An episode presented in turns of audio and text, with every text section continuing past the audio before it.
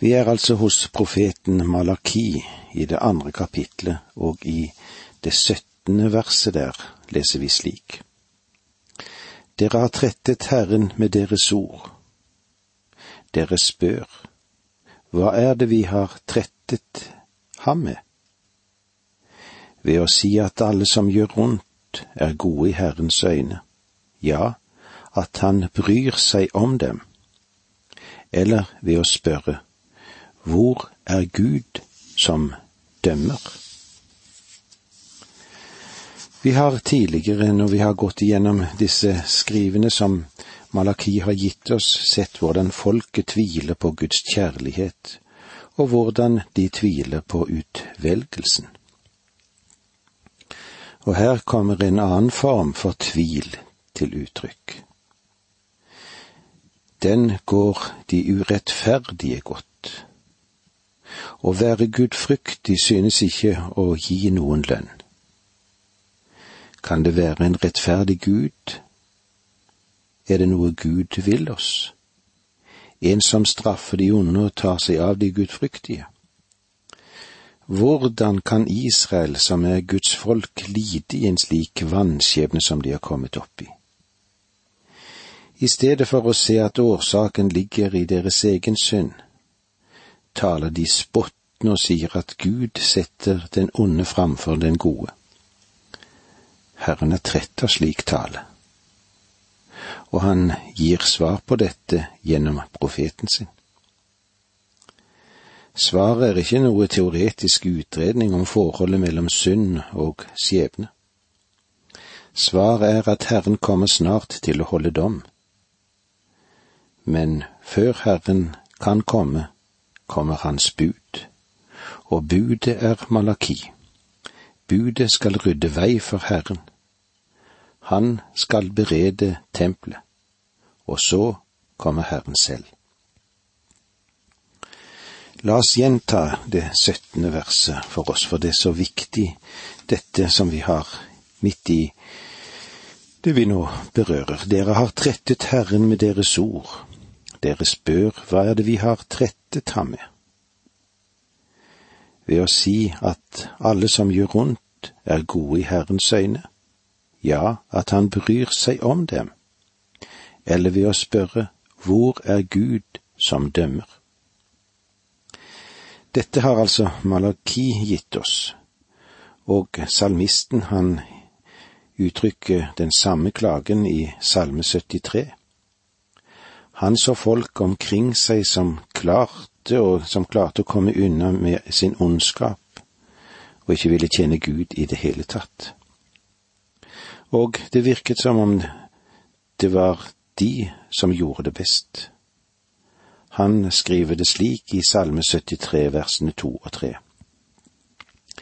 Men jeg var nær ved å snuble. Mine føtter holdt på å gli ut for jeg ble harm på det hovmodige. Jeg så at det gikk de ugudelige vel. Når han så seg omkring, ja, så så han at kjeltringene, de blir rikere og rikere. Mens de fattige, ja, hva skjedde med de? Jo, de blir fattigere og fattigere. Og de som prøvde å følge Guds vei, var det de som det gikk dårligst med. Dette var presis den samme anklage som folket kom med på Malakias sin tid. Og denne holdningen skaper ganske hurtig en ny moral. Når de føler at alle som gjør ondt, er gode i Herrens øyne, da begynner de å kalle det onde godt og det gode ondt. Det lønner seg å gjøre det onde. Mye av denne holdningen møter vi også i dag. Mange, ja altfor mange mennesker vil i dag si at du kan lure unna litt, det lønner seg jo det. Folket prøver å komme unna med så mye som mulig. Dette går ikke bare på de store selskapene, men også på det alminnelige mennesket. Ja, selv våre høyeste myndigheter sløser med penger uten å kjenne tilstrekkelig ansvar i forhold til folket. Det er så få som bryr seg. Hvorfor gjør ikke Gud noe med dette? Salmisten han fikk sitt svar på dette spørsmålet fordi han gikk til Gud med det. Igjen Salme 73, 17. Til jeg gikk inn i Guds helligdom, da skjønte jeg hvordan det går dem til slutt. Du forstår at han hadde bare sett rett framfor nesa si. Men hva er det om du strekker din fremtid mot de ytterste grensene. Hva da med den evige skjebne? Hva med din evige skjebne? Og hva med deres evige skjebne? På det punkt der du og jeg står, er deres dager historie. Men langt der tilbake i tiden tok de en avgjørelse for evigheten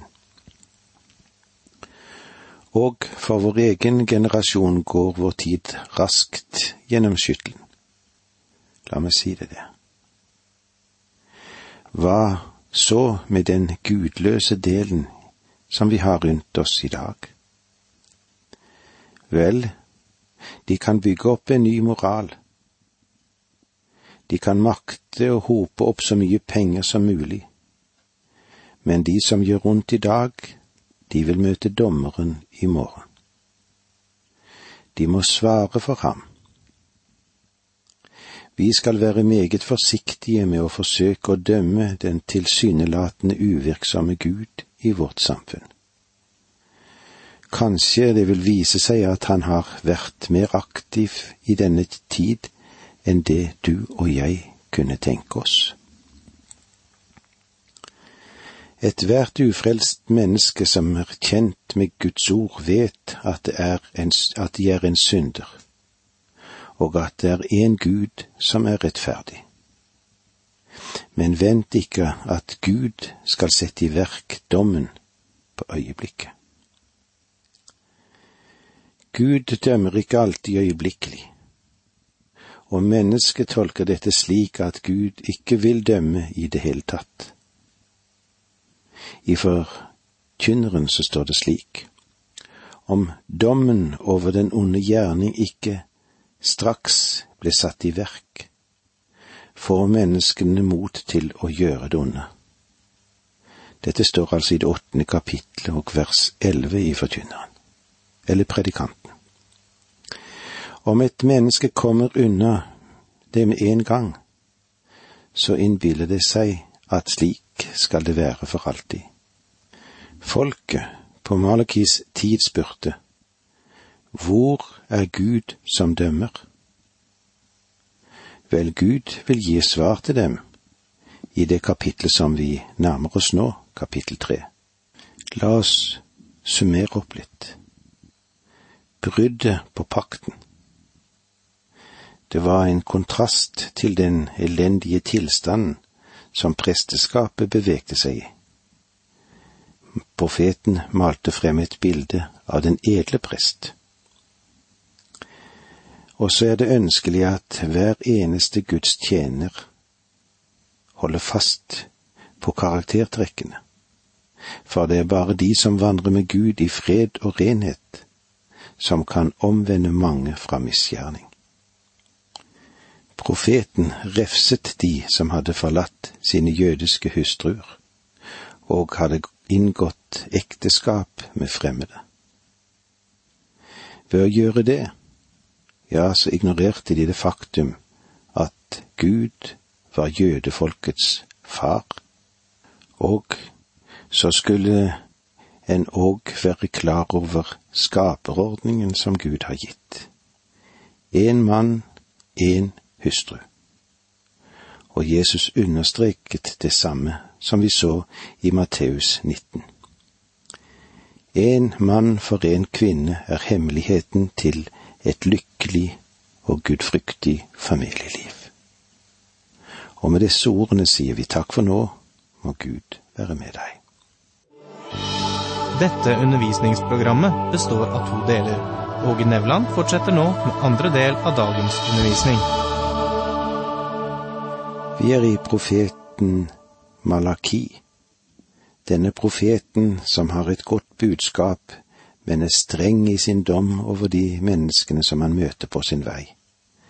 Det er en sterk profeti vi får lov til å lytte til.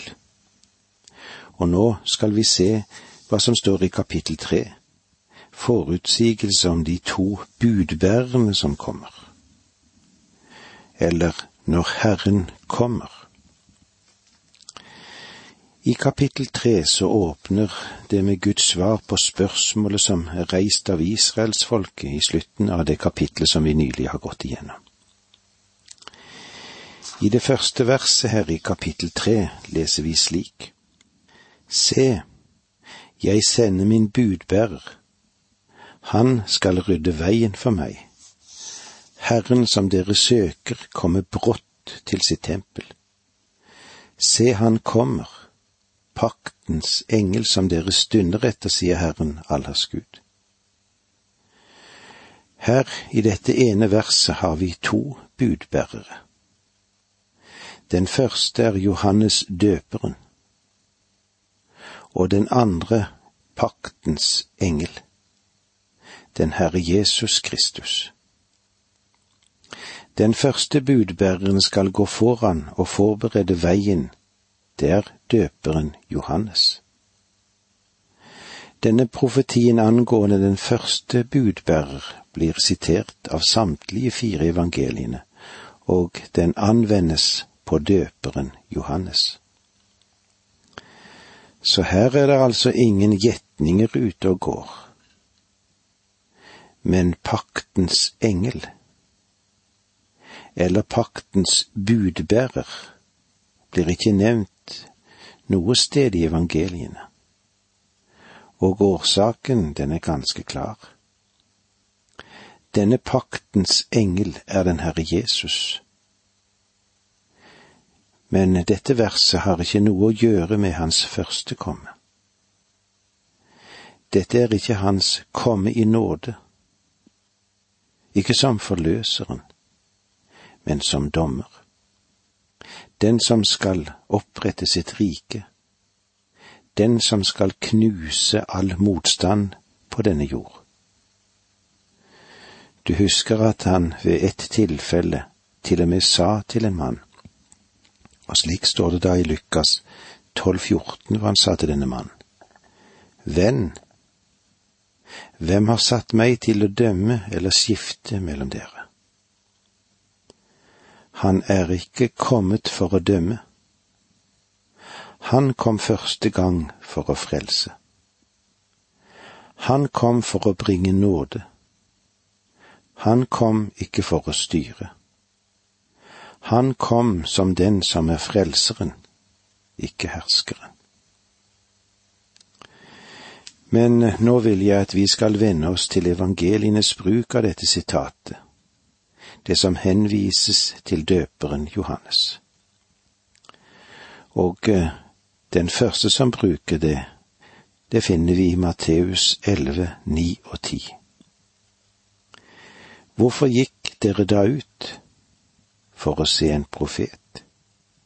Ja, jeg sier dere, mer enn en profet. Det er om ham dette er skrevet.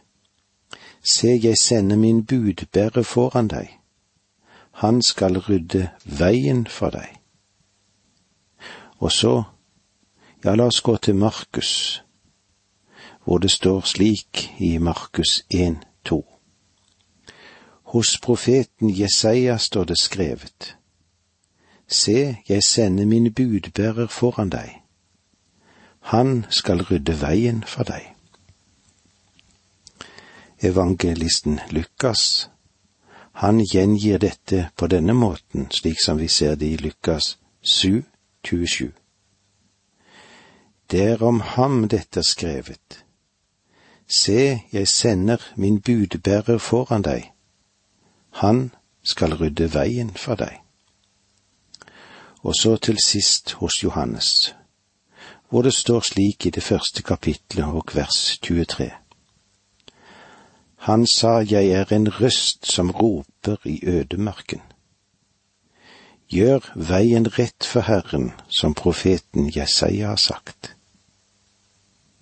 Dette er et direkte sitat fra Jesaja. Men vi ser at også Malaki sier det samme om døperen Johannes. Derfor er dette Guds svar til israelsfolket. Gud vil sende ham først som en frelse fordi han er nådig, og fordi han ønsker så inderlig vel å frelse. Men det er ikke avslutningen av det hele.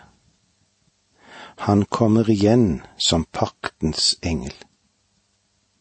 Det vil si for å fullbyrde rettferdighet og dom på denne jord. Om du vil overbevise meg om at Gud ikke har til hensikt å dømme synd, og at han vil la syndere komme unna med sin urettferdighet i dag, da må jeg åpent si til deg, da vil jeg vende ham ryggen. Men han har gjort det helt klart at han har til hensikt å dømme menneskeslekten. Om du ikke vil ha han som frelser, ja, så er du nødt til å akseptere ham som din dommer, enten du liker det eller ikke. Han sa det slik som vi òg ser i Johannes 5, 22. For Faderen dømmer ikke mennesket, men han har overgitt dommen til Sønnen.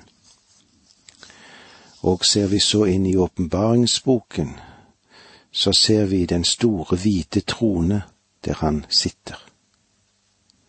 Og de som er tapt, både rike og fattige.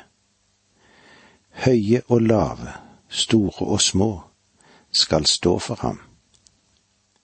Det betyr ikke noe hvem du er. Du vil ikke kunne smette deg unna med din synd. Slik er det.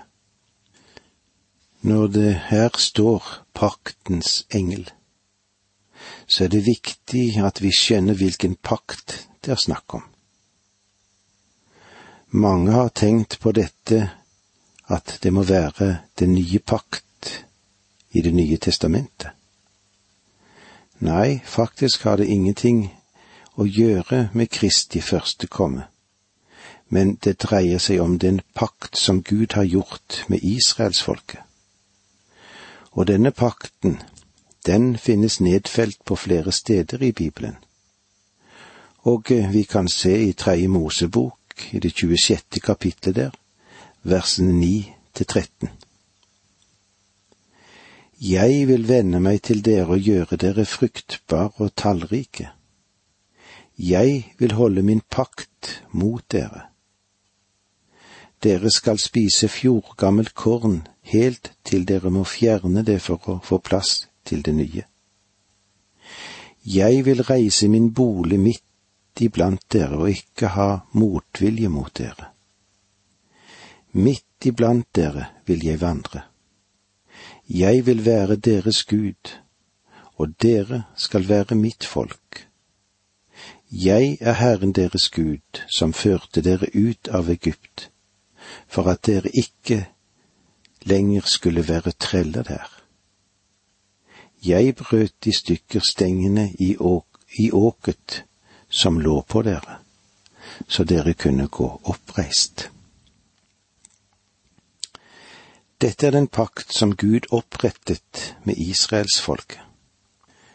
Du vil se at han bekreftet den i Tredje Mosebok på samme måte som i Femte Mosebok.